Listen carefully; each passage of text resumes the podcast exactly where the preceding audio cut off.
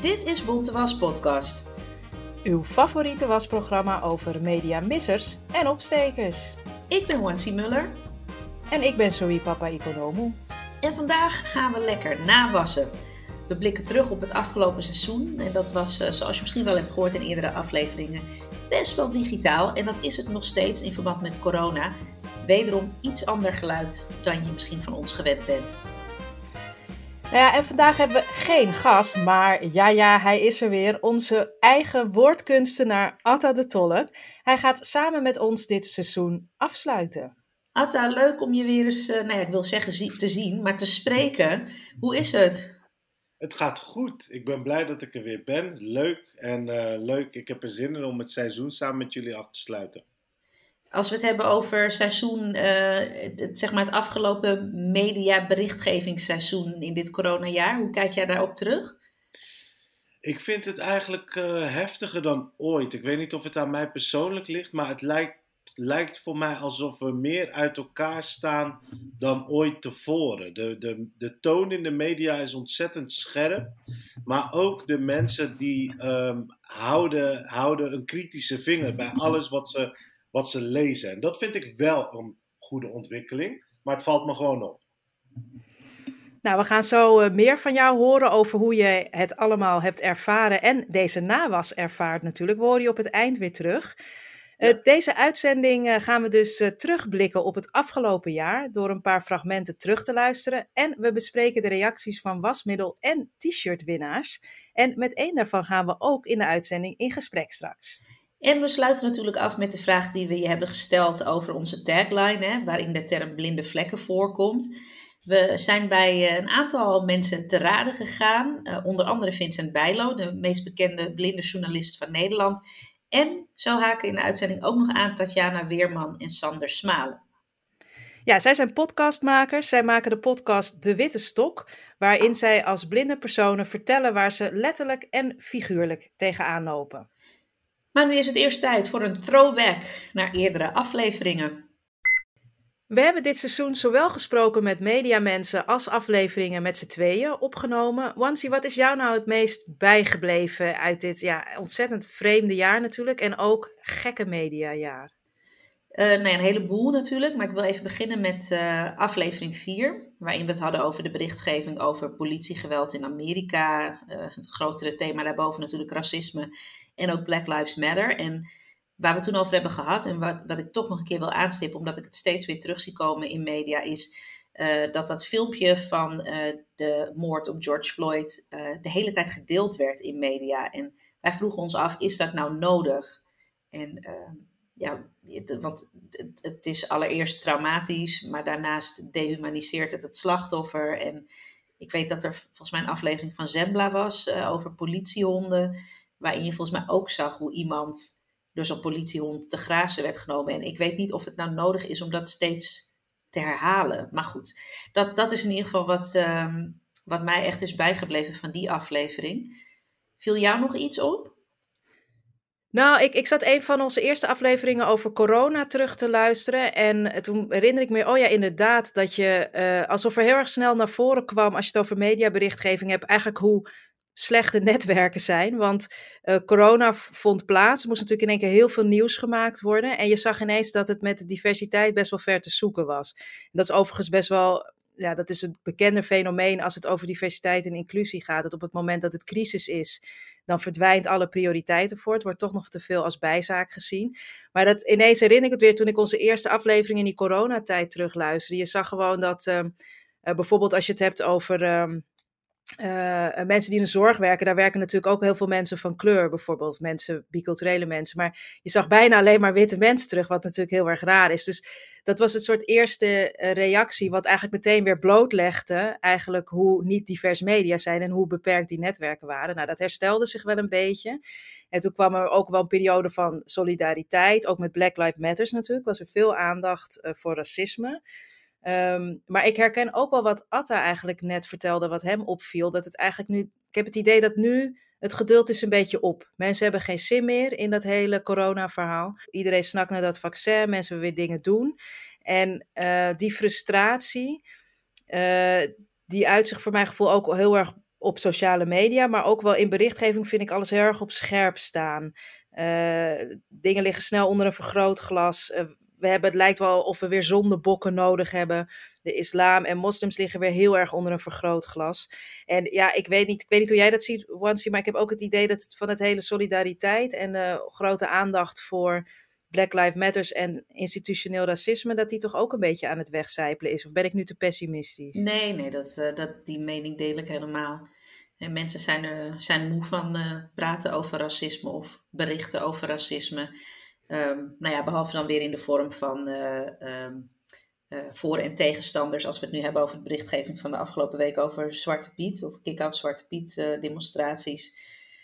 Waarin nog steeds datzelfde frame wordt geschapen. Hè, waarin het lijkt alsof de vreedzame demonstranten hetzelfde doen als de mensen die ze aanvallen. Uh, dus, dus dan zijn we niet zo moe van berichten over racisme, maar we kunnen het niet zo goed benoemen. Dat, uh, dat is wat ik nog steeds constateer. En dat is best verdrietig, want dit, dit gesprek hebben we een jaar geleden ook gevoerd. Ja, precies hetzelfde eigenlijk. Ja, om toch nog even terug te komen op corona. Dat onderwerp uh, kwam natuurlijk ook aan bod in de aflevering die we met modejournalist en fashionactivist Janice Dull opnamen. Uh, er is een kapsel dat echt al nou ja, jaren als niet, ik denk wel eeuwen zelfs is, bestaat. En dat werd een coronakapsel genoemd in meerdere media. En het is ook niet de eerste keer dat dat gebeurde. Je, je kunt je misschien destijds nog wel herinneren dat uh, Kim Kardashian met, die, met, die, met dat vechtkapsel kwam. He, dat werd een bepaalde oh, ja. naam aangegeven en de hele wereldpers nam dat gewoon over. Boxer braids ja. was een term die gewoon never gebruikt is, nooit gebruikt werd, nooit bestaan heeft. En nu spreekt bijna de hele wereld over boxer braids. Doorgaans, als zoiets zou gebeuren, dan heb, is het jouw taak als journalist om dingen te researchen. En ik vind soms dat uh, lifestylebladen journalisten zichzelf en het vak niet serieus genoeg nemen door dingen zomaar klakkeloos aan te nemen of over te nemen. Ja, ik vond dit uh, echt een goede quote is dit van Janice, want het zit hem vaak echt in die zorgvuldigheid. Weet je, dat wordt natuurlijk maar doorgejaagd en het is soms ook wel begrijp ik mensen ook als er heel veel gaande is, zoals met corona en allerlei, dat, dat er heel gehaast gewerkt wordt, maar dat moet nooit ten koste gaan van dingen goed uitzoeken. Naast Janice Del spraken we ook met kookboekenschrijfster en programmamaakster Nadia Zirouali en dat ging over de diversiteit in de foodjournalistiek. Nadia zei het volgende over welke keukens we waarderen en waarom plat gezegd, als een ander van buiten komt en die lift zo'n keuken op en zegt: Deze keuken is briljant, is fantastisch, is goddelijk, is de hit voor de komende jaren, de trend van de komende jaren, Mexicaans. Nou, dan gaan we met z'n allen gek doen over Mexico. Maar als die Mexicanen die zelf al miljoenen jaren, bij wijze van spreken, over reageren natuurlijk, uh, genieten van hun keuken, dan is niet populair. Daar, daar, hebben we dus blijkbaar mensen voor nodig die op ons lijken. Nou, in Nederland zijn dat witte mensen. Die dan zeggen dat het helemaal fantastisch is. En dan is het oké. Okay. ja. En ook dit is niet een probleem dat we hebben opgelost met deze aflevering, helaas. Nee, dat blijft maar doorgaan. Uh, ik, toevallig las ik uh, onlangs ook bij Marketingvrouw, heel leuk om haar te volgen op Instagram. Uh, zij post hier laatst ook over, ook over culturele toe-eigening in de keuken. Nee, hier zijn we nog wel even mee bezig, vrees ik. De laatste gast die we ontvingen dit seizoen was Roesbe Kaboli. Hij is documentairemaker en regisseur, Emmy Award winnaar ook voor zijn documentaire Dance or Die. En hij vertelde over hoe de Nederlandse blik vaak doorcijpelt in buitenlandjournalistiek heel veel media. Men gaat heel vaak op zoek naar de ene Nederlandse minister, oud-minister van Defensie, die dan in Irak een VN-gezant is geworden. En als er iets in Irak gebeurt, dan denkt men, oh, laten we haar even opbellen. Of de enige Irakese uh, Nederlander die we kennen. Dat is een hele nou ja, een soort automatisme die ontstaan is in de media, um, die uh, volgens mij ons belemmert om de mensen uit die gebieden waar uh, de oorlogen ontstaan zijn, waar, de, waar we over berichten, zeg maar, te ontmoeten. We willen eigenlijk begrijpen wat in Irak gebeurt, maar we gaan op zoek naar de enige Nederlandse Irakees die zijn hele leven in Den Haag heeft gewoond. Ja, deze vind ik echt zo spot on. Ja, het is gewoon, dit is precies namelijk hoe er helaas vaak gewerkt wordt. En uh, het is ook gewoon, het is ook vaak gewoon de makkelijke weg van we moeten even iets hier nu. terwijl ja, het gaat over iets daar. Dus ehm, ja, het is dan ook gewoon heel belangrijk om in dit geval in Irak, om daar op zoek te gaan naar mensen, om te kijken wat daar speelt. Iets wat Roesbeh zelf natuurlijk overigens uh, dus ook altijd doet. Het Blinde Vlekkenkwartet. Nou, dan hebben we natuurlijk ook nog een hele hoop prijzen uitgereikt. Ja, het was een feest van wasmiddel en, uh, en t-shirts. Ja, wasmiddel natuurlijk voor media of programma's die nog wel wat vlekken hebben weg te wassen. En t-shirts voor makers, media of programma's met een scherp oog voor diversiteit. Nou, we beginnen even met een uh, rondje zeepje wasmiddel dat we uh, zowel digitaal als daadwerkelijk hebben uitgereikt aan onder andere Opzij, de eindredactie van het Algemeen Dagblad en het Nederlands Genootschap van Hoofdredacteuren. En hoewel we meerdere media benaderd hebben voor een reactie uh, voor deze nawas, hebben we die van vrijwel niemand teruggehad. van Volk Nederland gelukkig wel. En dit is een deel van de mail die we kregen. We zijn altijd blij met inhoudelijke kritiek, hoe pijnlijk dat soms ook kan zijn. Reacties als deze motiveren ons om het gebrek aan diversiteit in folk continu onder de loep te blijven nemen.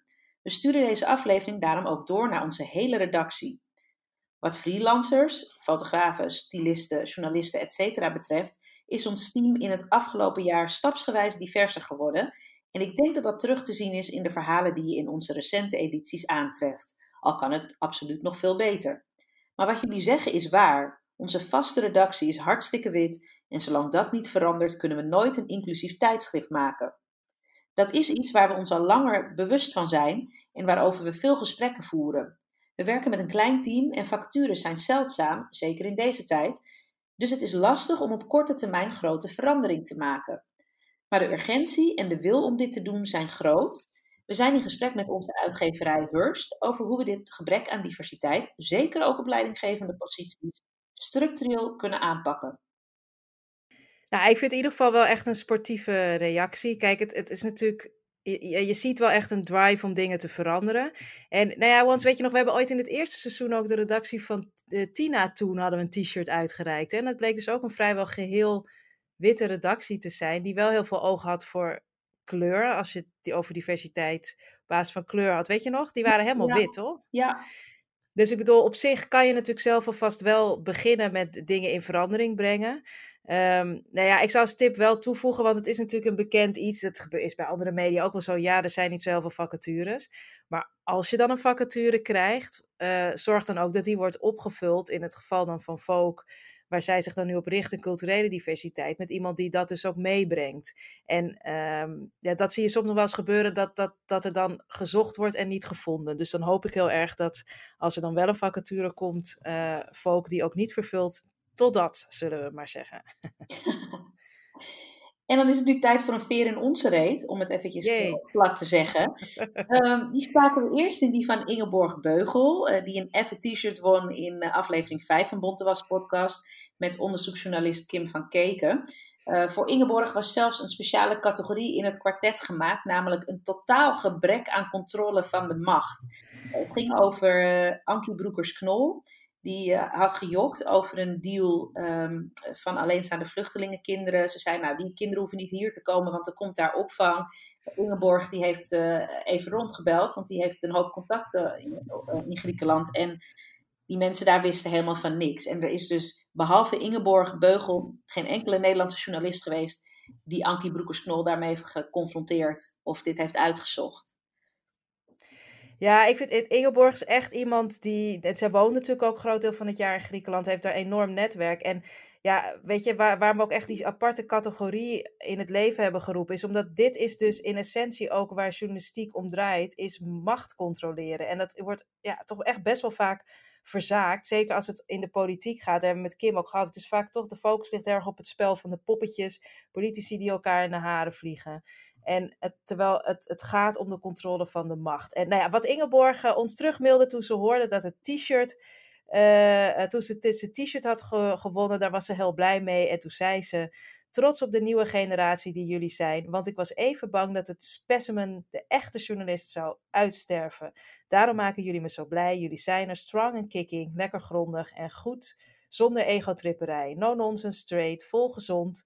En noodzakelijk journalistiek wantrouwen jegens de macht, die inderdaad bijna niet meer gecontroleerd wordt. Jullie geven me de hoop terug die ik had opgegeven. Nou, nu dus wel een beetje egotripperij van ons, maar dit was natuurlijk wel ehm, tof om te horen. En inderdaad, uh, die macht, die controle van de macht, dat is waar wij natuurlijk ook, waar wij een uh, Bonte Was podcast maken, ook om die macht van de media te controleren, uh, die maar doordendert de hele tijd. Zelfregulering is heel belangrijk, vinden wij heel erg belangrijk. En misschien ook wel leuk om nog te zeggen dat wat opviel dit seizoen is dat er veel t-shirts zijn gegaan aan, naar individuele makers. Uh, zoals Natasha Gibbs werd aangedragen door Roes Bekabeli. Zij is de presentator van de Nieuwsbv onder andere. Uh, schrijver en maker Hasna Bouazza schrijft veel voor NRC. Uh, en ook Clarice Gagar natuurlijk. Dus dat is ook wel uh, goed om te zien dat er zoveel uh, toffe individuele vrouwelijke mediamakers bezig zijn. Ja, dat zeg ik er toch even bij. Um, ja, en we hebben natuurlijk ook een pluim uitgedeeld aan een gehele redactie. En nu ga ik natuurlijk zo heel snel het woord aan jou geven, Wansi. Maar ik kijk dus al heel erg lang uit naar deze ontmoeting en dit gesprek. Namelijk tussen jou en de redactie van de kampioen. Vertel ons alles. Ja, ik heb ook enorm uitgekeken naar dit gesprek. Uh, Petra Vetman, jij bent hoofdredacteur van de Kampioen. En uh, uh, ik vind het heel erg tof om hier even met jou over te praten. Um, wat vonden jullie ervan om het t-shirt te ontvangen? Ja, echt ontzettend leuk. Echt een opsteker is dit. ja, een opsteker omdat we, ja, wat betreft het laten zien van diversiteit, kennelijk op de goede weg zijn. En ja, dat is echt ontzettend uh, fijn om te horen. En ja, ik zie dit ook als een aanmoediging om, om hier scherp op, uh, dat, dat we hier scherp op zijn. En, en, en ja, en, en, en dat zullen we ook zeker uh, blijven. Dus um, ja, je, je kan me niet zien, maar ik zit hier met een smile van oor tot oor. Ik vind het echt hartstikke Hey, waarom, hoe komt het nou dat, dat diversiteit zo on, on top of mind is bij jullie, bij de kampioen? Ja, dat, dat is wel echt uh, beleid, ook al, al een paar jaar. Um, ja, kijk, de kampioen is het grootste blad uh, van Nederland. Uh, het wordt bezorgd bij 3,6 miljoen huishoudens. Het heeft een bereik van 4,5 miljoen lezers. Nou, op een bevolking van 17 miljoen is, is dat natuurlijk best een indrukwekkend aantal. Dan heb je het over iets van 4, 1 op de 4 Nederlanders. Ja, en wie zijn die lezers? Ja, dat, dat is gewoon een dwarsdoorsnede van de Nederlandse bevolking, zoals die nu, anno 2020, is samengesteld. Dus ja, in al zijn diversiteit, dus, dus qua man-vrouw, uh, inkomensniveau, uh, genderidentiteit, seksuele voorkeur, uh, van allerlei etnische achtergronden, um, qua gezinssamenstelling, geloof, opleidingsniveau, noem maar op. Uh, de ANWB is er voor iedereen en, de kampioen is er ook voor iedereen. Nou, dan moet je dat ook laten zien. Uh, ik vind dat je daarin ook echt een verantwoordelijkheid hebt. En ja, die verantwoordelijkheid die, die nemen we serieus. Ja, daar zijn we heel erg blij mee dat jullie die verantwoordelijkheid nemen. Want dat is nog wel eens anders, zullen we maar zeggen. Waarom wij deze podcast maken. Maar hoe ziet dat er nou concreet uit als de kampioenredactie bezig is met diversiteit? Ja, het is, uh, wij zijn ons hiervan bewust. En dus op het moment dat we uh, nummers uh, samenstellen, letten we daarop. Ehm, dus ja, het, is niet zo dat we, dat, dat we uh, zitten te tellen of zo. Maar uh, op het moment dat we het hebben over artikelen, uh, dan kijken we of de samenstelling van de kandidaten divers is in, in alle opzichten. Dus al die opzichten die ik net noemde. dus qua geslacht, leeftijd, etnische achtergrond, gezinssamenstelling, noem allemaal maar op. En um, en ja, zo doen we het ook als we um, uh, fotografie uh, uitzetten. Dus, dus om, een voorbeeld te geven, de, de cover die, van de kampioen die de komende, uh, die nu straks bij iedereen op de mat ligt, althans bij 3,6 miljoen deurmatten. Um, daarvoor wilden we een shoot doen over wandelen, omdat wandelen is nu een van de weinige dingen die je nog te alle tijden kan doen in deze tijden van corona. En we hadden nog wel wat beelden, maar dat waren allemaal mannetje, mannetje vrouwtje, uh, twee of drie kinderen. Ja, dat, dat is dan weer zo cliché. Dus in dit geval hebben we ervoor gekozen om, om een eenoudergezin te laten zien. Dus een moeder met haar twee dochters en een hond. Uiteindelijk is de moeder met de hond is het coverbeeld geworden, maar binnenin zie je nog ehm, uh, dat eenoudergezin. Nou ja, en, en, en op die manier kijken gewoon dat als je uh, gewoon naar, laten we zeggen, een hele jaargang van de kampioen kijkt en, en je kijkt naar de beelden en de woorden, dat je dan dus in de breedte een, een afspiegeling bent van de Nederlandse maatschappij zoals die er nu uitziet. Ja, dus we ja, voeren daar heel bewust uh, beleid op. En heb je, wat voor tips zou jij nou willen meegeven aan, aan uh, hoofdredacteuren en eindredacteuren van andere media, die hier nog misschien wat minder mee bezig zijn, concreet? Ja, ik denk dat het, je moet er beleid op. Uh, het, moet, echt een visie zijn. Een visie van waaruit je werkt. En um, uh, de ANWB is hier in, in 2018 al, al heel concreet mee aan de slag gegaan. Die hebben ook een. Uh, bureau in de arm genomen. Daar, daar werkt de ANWB nog steeds mee samen. Inclusionair heet dat uh, bureau.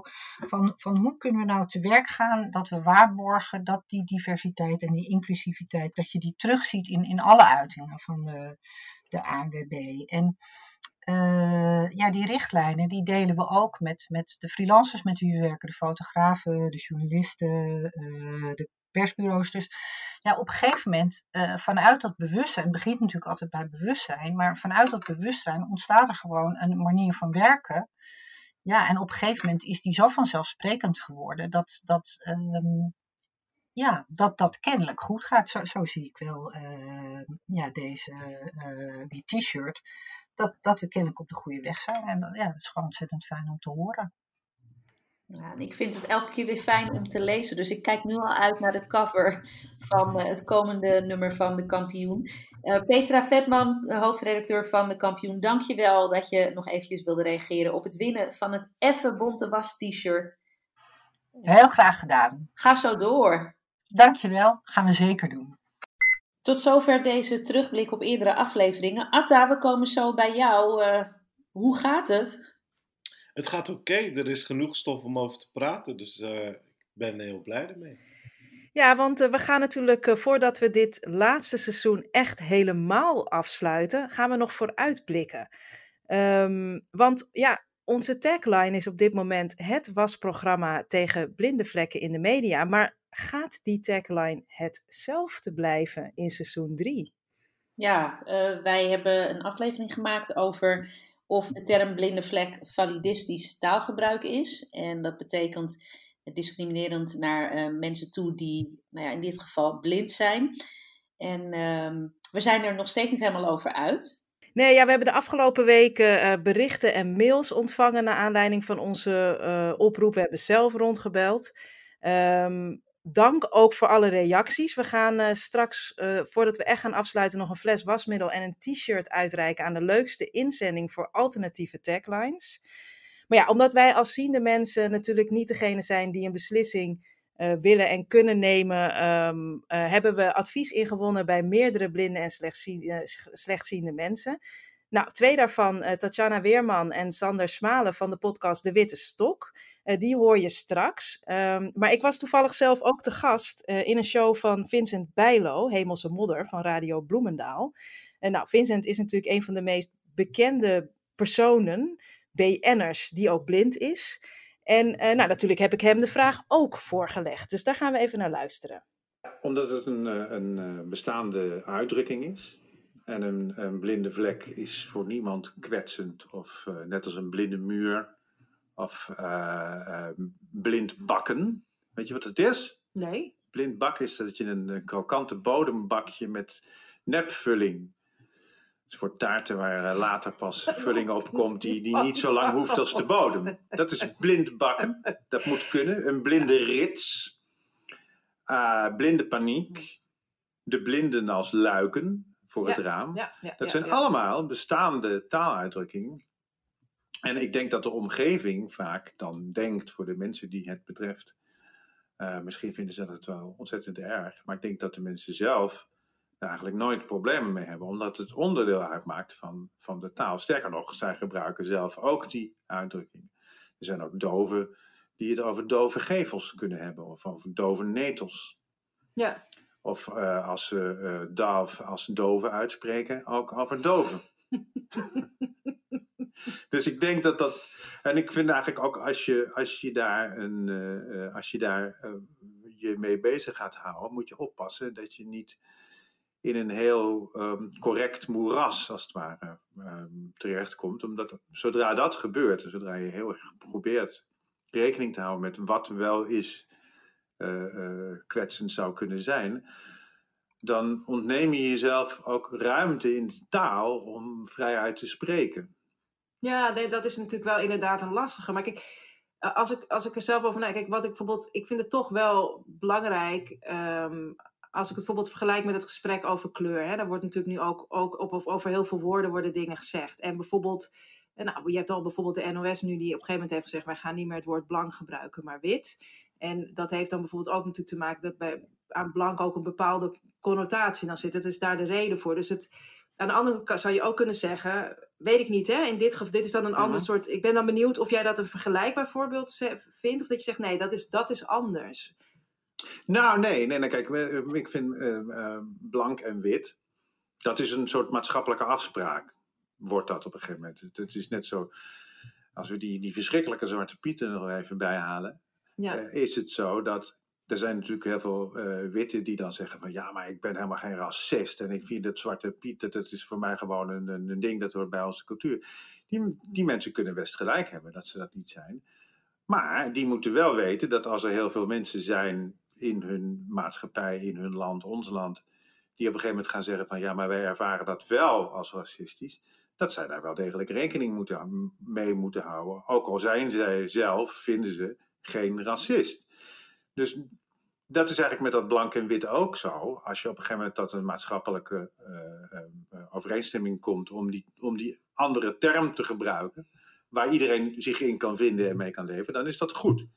Maar ik vind woorden als blinde vlek en dove netel en dove gevel en dat zijn, er zijn zoveel van dat soort woorden dat je de taal in die zin intact moet laten, omdat die dan kan blijven stromen. En kan... Ja, tot zover uh, het fragment van uh, Vincent Bijlo.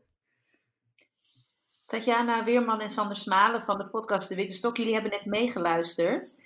Um, leuk dat jullie uh, ook even met ons hierover wilden praten. De Witte Stok is een podcast waarin jullie luisteraars meenemen in jullie wereld en laten horen waar je als blind persoon letterlijk en figuurlijk tegenaan loopt. Ehm, allereerst wil ik jullie even bedanken voor het maken van jullie podcast, want ik vind hem echt heel erg leerzaam. Nou ja, en leuk om te horen. Ja, zeker. Daar doen we het voor. Ja, ja ik, ik, ik ga dit ook tegen iedereen zeggen, want het zijn allemaal dingen waar je helemaal niet over nadenkt. Ehm, ja, die wel heel erg veel impact hebben op je leven. Ehm, maar terug naar Vincent Bijlo, die ehm, vertelde net dat hij vindt dat er een verschil is tussen bijvoorbeeld de term uh, wit en blank en de term blinde vlek, omdat over dat eerste maatschappelijke overeenstemming is. Uh, vinden jullie dat dat vergelijkbaar is? Ja, ik, ik kan me heel erg vinden in, in, in wat Vincent zegt. En, en kan daar eigenlijk alleen maar achter staan. Want eh, ja, laten we toch alsjeblieft gewoon ook, ook ja, zo blijven zeggen. En uh, ja, iets alsjeblieft een blinde vlek noemen. Um, en ja, ik, ik ja, kan er alleen maar achter staan. Ja, want wat vinden jullie zelf van die term blinde vlekken? Wel of niet, zeg maar? Uh, ik associeer blinde vlek niet met, uh, met mijn beperking. Want ja, jullie hadden het er in de eerdere aflevering ook al over. Het is een biologisch iets. Het is daadwerkelijk iets fysieks in je oog. Um, dus ik associeer het absoluut niet met, uh, met mijn blindheid. Nou, kan je wel voorstellen dat er mensen zijn die uh, blind of slechtziend zijn en, en daar dus wel aanstoot aan nemen? Ze zullen er ongetwijfeld zijn. Zullen er vast wel zijn. Er zijn ook mensen die tegenwoordig niet meer zeggen dat ze blind zijn, maar visueel uitgedaagd. Ja. ja. daar moet je bij mij absoluut niet mee aankomen, want ik ben gewoon blind. Want ik heb er zelf niet voor gekozen om. Uh, ja, om, om, om, blind te zijn en een uitdaging, die kies je meestal zelf uit. Dus ik zie mijn beperking absoluut niet als een uitdaging. Het is er gewoon. Ja, je, je merkt het wel vaak hè, dat mensen daar heel veel moeite mee hebben met, uh, nou ja, als we dan met ons gesprek zijn, dat, dat woorden als zien en kijken worden heel vaak vermeden. Want uh, ja, nou ja, het zou onze, zou onze belevingswereld niet zijn of zo. Ik weet niet wat daar de precieze argumentatie van is. Maar dat vind ik dan wel, uh, wel jammer, want ja, we hebben het ook niet over tv luisteren en, uh, en een film horen of zo. Ja, dus het, is, het wordt eigenlijk te geforceerd als ik Ja. jullie zo hoor. Ja, Ja. het is gewoon normale spreektaal. Waar ik dan wel weer moeite mee heb, dat is dan bijvoorbeeld ook, ook ja, dat was laatst een, ik heb het zelf niet gehoord, maar eh, via een eh, eh, andere eh, blinde persoon, die had een reclamespotje gehoord van een opticienketen of, of iets, of een brillenwinkel, op de landelijke radio. En er werd dan gewoon gezegd, ja, beter zien is beter leven. Oh. Ja, daar heb ik dan zo. wel weer moeite mee. En hij ook. Hij heeft er contact mee opgenomen met spotjes van de radio af. Dus Ah, kijk, dus daar is wel meteen naar geluisterd. Ja. ja, ja, want daar heb ik dan wel weer moeite mee. Want ja, waarom zou je ja, niet beter leven of niet ja, goed leven als je niet ziet? Ik, ik weet niet of die payoff nog ergens gebruikt wordt. Ik heb er naar gegoogeld, maar niks kunnen vinden. Dus ik, eh, ik hoop dat ze ermee gestopt zijn. Nou, waar ik ook nog wel benieuwd naar ben, want wij, wij, we kwamen op een gegeven moment ook iemand eh, in onze rondvraag tegen. En, en die zei ook van ja, het is misschien ook nog wel zo dat als we het hebben over wat dan validisme heet. ehm, dus daar, daar zijn nog zoveel dingen die moeten veranderen. Eh, dat taalgebruik staat nou gewoon eventjes niet op nummer één. We moeten eerst maar überhaupt eens zorgen dat, dat mensen gewoon volwaardig aan het werk kunnen. Ik noem maar eens wat. Zou- Ja, en, en dingen als, als, als ja, zelfstandig reizen. En het, het werkt allemaal wel, maar er zijn nog zoveel hobbels en bobbels, zoals we ook in de podcast laten zien. Ja, en toegankelijkheid, hè? eh, toegankelijkheid online, maar ook offline. Eh, nou, binnenkort gaan we allemaal weer naar de stembus. En er- het wordt langzaam maar zeker voor blinden ook mogelijk om te stemmen. Maar ja, daar is wel een, een, een lange strijd voor geleverd, wil ik bijna zeggen. En ja, d- er zijn nog zoveel dingen die, die inderdaad daarvoor nog geregeld en gedaan Ja, moeten en, en worden. vergeet ook niet de vooroordelen, hè? Mhm. Ja. Alle blinden zijn muzikaal en horen beter. En ze houden van Stevie Wonder. jullie En daarover, ik heb laatst een, eh, een eh, YouTube-video gezien van eh, RTV Oost. Eh, dat ging over een blinde eh, ja, mobiliteitsinstructrice, ergotherapeut. Zij vertelde over haar werk, over de dag van de witte stok. En eh, dat sloot af met een liedje van Stevie Wonder. Nou, dan heb je hem hoor. Dan, dat, dat, dat vind ik zo vreselijk. Ja, dat is net als dat als, het, als er iemand is die misschien bijvoorbeeld een, een, eh, een, een Marokkaanse achtergrond heeft, dat er dan meteen Arabische muziek onder wordt gedonderd. Ja. eh, zeg maar, een Of beetje dat hij zo. fan is van Ali B of zo. Nou, dat, Oh, dat, dat, Oh, wat erg. Ja, ik zou dat fragmentje wel willen. Dat is leuk voor op onze Twitter. Oké, dan- helemaal bij Bonte Was podcast. Oh, ik, Dat kunnen we wel opzoeken. voor het Blinde Vlekkenkwartet. Maar stel dat we toch besluiten, eh, Tatjana en Sander, om eh, die term Blinde Vlekkenkwartet aan te passen. Eh, hebben jullie ideeën voor een alternatief? poeh. Dat vind ik een hele lastige. Daar heb ik ook al de hele avond over zo'n beetje over na zitten denken. Ehm, maar nee, ik, ik, vind het een heel lastig. eh, Het past ook zo mooi in dat muziekje. Dus... Ja, Jullie zeggen eigenlijk dat we het zo zouden moeten laten. Ja, eigenlijk wel. En ja, ik, ik hoorde eerder al Dode Hoek. Dat vond ik dan wel een, een, een mooie ergens. Maar, ik Maar dat denk, gaat zo ja. moeilijk in de was. Ja. Nee, we gaan zo een aantal alternatieven noemen van de inzendingen die we hebben gekregen. Dus misschien eh, als jullie even nog eh, blijven hangen, gezellig. zeker. ja, altijd leuk. Ja, precies. Dan, dan kunnen jullie misschien ook eventjes eh, jullie favoriet eh, noemen. Sowieso zetten we natuurlijk ook een link naar jullie podcast in de show notes. Ik had hem ook al enthousiast overal gedeeld. Kijk. Ehm, ja, want we hebben in, eh, in aflevering 8 hebben we aan de, onze luisteraars gevraagd, aan jullie thuis, die nu lekker aan het luisteren zijn, of jullie ook suggesties wilden doen voor eventueel vervangende term. Als we gaan kiezen voor een eh, nieuw liedje en een nieuwe tagline en noem het allemaal maar op. En een, en een nieuw soort eh, kwartet. Nou, nogmaals dank eh, voor alle reacties. Uh, Wansi, jij hebt een selectie gemaakt, toch? Ja, op Twitter zei Xandra Koster bijvoorbeeld. Ik vind hem dubieus. Zelf gebruik ik daarom de term witte vlek liever dan blinde vlek. Op zich is de term blinde vlek een neutrale anatomische term, een deel van het oog waar je niks mee kunt zien. De betekenis van de uitdrukking is vaak iets waar je geen oog voor hebt en daarmee is het iets wat verwijtbaar is. En dat wordt dan in verband gebracht met blindheid, wat validistisch zou zijn. Maar de oorspronkelijke term is puur anatomisch, dubieus dus. Witte vlek werkt net zo goed en is op die manier niet dubieus, dus zou dat voor jullie een optie zijn? Ja, het is. eh, eh, we- nemen hem mee, we Ja. nemen hem mee. Nou, ga door, ga door, ga door. We hebben ook een hele leuke ehm, mail gekregen, toch? Precies, van Erco Caravan, dat is de artiestennaam van Maria Koning. Die mailden ons over jullie naam. Ik vind de huidige titel echt heel sterk. Een blinde vlek is een neutrale en bestaande uitdrukking. Inderdaad, wat jullie ook al zeiden. Daarom kan het wat mij betreft blijven. Het gaat niet over blinden, maar over blinde vlekken. Al kan ik me ook voorstellen dat sommige slechtzienden of blinden daar moeite mee hebben. Een simpele nieuwe titel zou kunnen zijn, Bonte Was Podcast, het wasprogramma tegen witte vlekken in de media. Zij zegt eigenlijk hetzelfde als uh, Xandra Koster. Ja. Um, een andere suggestie is het wasprogramma tegen hardnekkige vlekken in de media. Of Bonte Was podcast wasverzachter voor missers in de media. En haar laatste suggestie is Bonte Was podcast een stevig sopje en vlekkenwijzer voor de media. uh, superleuk. Nou ja, sowieso ja, uh, Maria, omdat je ons meerdere titels hebt voorgesteld, uh, belonen we dat natuurlijk graag met een fles zeepje wasmiddel en een Effe Bonte Was uh, podcast t-shirt. Dus dank je wel daarvoor. En, uh, ja. ja, Sander en Tatjana, jullie hebben nog even meegeluisterd. Is er één die bij jullie blijft hangen?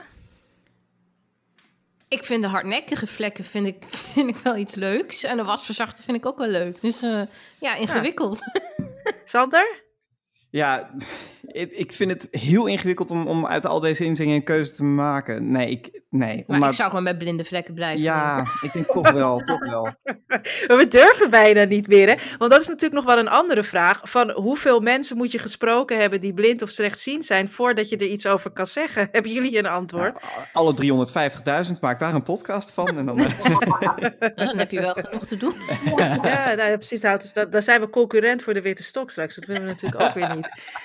Um, ja, wie ook nog. Nou, we gaan trouwens. Um, we gaan er een poll van maken, hadden we al besloten. En we gaan er nog even over nadenken. Want we hebben natuurlijk even nog tijd voordat straks het derde seizoen uh, komt. Maar we dachten in ieder geval gaan we, van een, uh, gaan we twee van uh, de, de voorstellen kiezen. Ik moet zeggen. Tatjana, ik voelde ook wel wat voor hardnekkige vlekken en voor de wasverzachter. Wat had jij eigenlijk, Wansi? Welke springt er bij jou uit? Um, hardnekkige vlekken, denk ik ook. Uh, en wasverzachter, uh, ja, dat klinkt alsof we lief zijn, hè? maar dat zijn we natuurlijk helemaal niet. Nou, ook, ook, maar niet echt natuurlijk. Wasverharder. Ja. dus uh, ja, en een stevig sopje vind ik ook wel leuk klinken. Nou ja, in ieder geval, ze zijn allemaal in het wasthema, dus ik, ik, uh, ik, ik denk dat we er nog niet over uit zijn en, en inderdaad dit gewoon nog een keer moeten voorleggen. En dan hebben we inderdaad nog even om de, om de knoop door te hakken. Nou ja, gelukkig uh, is uh, Atta de Tolk natuurlijk ook blijven hangen, want die gaat, voordat we helemaal gaan afsluiten, gaat hij natuurlijk nog deze laatste aflevering van het tweede seizoen samenvatten. In deze nawas lekker eventjes helemaal nawassen. En misschien heeft Atta ook nog wel een goede suggestie. We gaan het horen, Atta de Tolk. Het afgelopen seizoen waren er veel wasjes om te doen. We hebben genoeg shirts uitgedeeld voor een heel legioen. Toffe uitzendingen. Zowel gesproken met mediamensen als één op één tussen de twee presentatrices elke keer scherp en op zoek naar diepte. Allereerst een terugblik naar eerdere afleveringen. Of er iets veranderde qua verbeteringen. We weten nog van toen de corona net begon. Diversiteit in de media verdween als sneeuw voor de zon. Daarnaast lijken de usual suspects weer terug. Waar is die saamhorigheid? Oh, wat vergeten we vlug. Kick-out Zwarte Piet, na support wederom bedreigd en genegeerd. We beleven dezelfde déjà vu's gewoon weer. Zijn journalisten, zijn journalisten weer in slaap gesukkeld? Worden berichten nog steeds gedubbeld, geknipt, geplakt en op de site gekwakt? Qua zorgvuldigheid hebben ze schijnbaar gewoon lak. Food for thought. En ook die uitzending over het waarderen van keukens. Als we credits toevoegen aan ingrediënten, dan wordt koken veel leuker. Alsof we influencers nodig hebben als het gaat om koken. Misschien helpt het me wel met afvallen dat ik me niet voel aangesproken. En die uitzending waar een tekenend voorbeeld wordt gegeven, bijvoorbeeld die enige keer dat we die Irakezen nu wel, nu, nu moeten spreken. We worden aangeboden door media voor de halve prijs. Vandaar dat er zo vaak een mediakanaal een wasmiddel krijgt. Reacties bleven vooral uit. Is het door het kritische geluid? Is het de machine die automatisch kleur uitsluit? Een van de belangrijkste taken van journalisten is macht controleren. Zoals Ingeborg dat deed. Erop af en confronteren. De kampioen is de kampioen van diversiteit. In dat blad zijn alle soorten mensen inderdaad gelijk. Petra ziet het als een aanmoedigingsprijs. Het grootste blad van Nederland doet alles gelaagd en bruist van kwaliteit. Het geheim bevindt zich in hun strategische handelen. Of het nou gaat om reclame of artikelen over wandelen.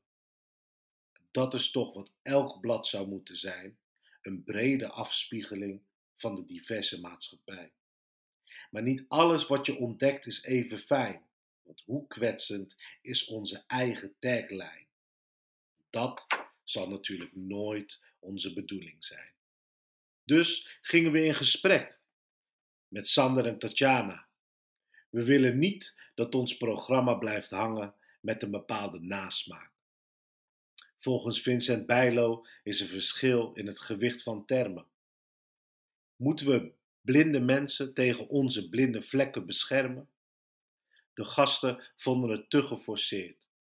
Het zit volgens hun nou eenmaal in de taal geïntegreerd. Maar als we dan toch kiezen voor een andere naam, welke zouden dan volgens luisteraars bestaan? Een stevig sopje, een wasverzachter, een uithanglijn, nog andere gedachten? De hardnekkige vlekken moeten in het sop, zolang het wassen zelf maar niet stopt. Was na was na was na was. Er bleek zoveel aan de hand dat het nog steeds niet in de trommel past. Tot volgend seizoen. Dankjewel, Atta. Alsjeblieft. Wat een heerlijke nawas van de nawas. nu is echt alles schoon. en ook dankjewel Tatjana en Sander. Ja, graag gedaan. Ontzettend leuk om hier te zijn. En ehm, nog één keer, jullie podcast heet De Witte Stok, te vinden op alle bekende podcastplatforms. Een heel interessant kijkje in hoe het leven is als je uh, uh, slechtziend of blind bent. Um, nou ja, wordt vervolgd. Uh, deel ook vooral onze vraag met iedereen die jullie kennen die er echt iets over kan zeggen. Ik ga er niet vanuit dat jullie alle 350.000 blinde mensen in Nederland kennen, maar wel iets meer dan wij. en laat het ons dan ook weten. Komt helemaal goed. Dit was Bonte Was Podcast. Abonneer je op onze podcast via Spotify, Apple Podcasts of een andere podcast-app en laat ook een recensie achter. Dat maakt het voor anderen makkelijker om Bonte Was Podcast te vinden. Helemaal omdat dit de laatste aflevering van dit seizoen is, willen we je vragen om alle voorbeelden van missers en opstekers in de media gewoon naar ons te mailen en ons te volgen via uh, Bontewaspodcast op Twitter. Uh, zodat we ook tijdens onze afwezigheid uh, ja, je nog op de hoogte kunnen houden van alles wat er toch echt niet goed gaat en ook wat er zeker wel goed gaat in de media. En blijf ook gewoon vriend van ons worden of word een duurzame vriend via vriendvandeshow.nl slash bontewaspodcast. Daar kan je eenmalig of vaker doneren. Tot volgend seizoen. Doei doei!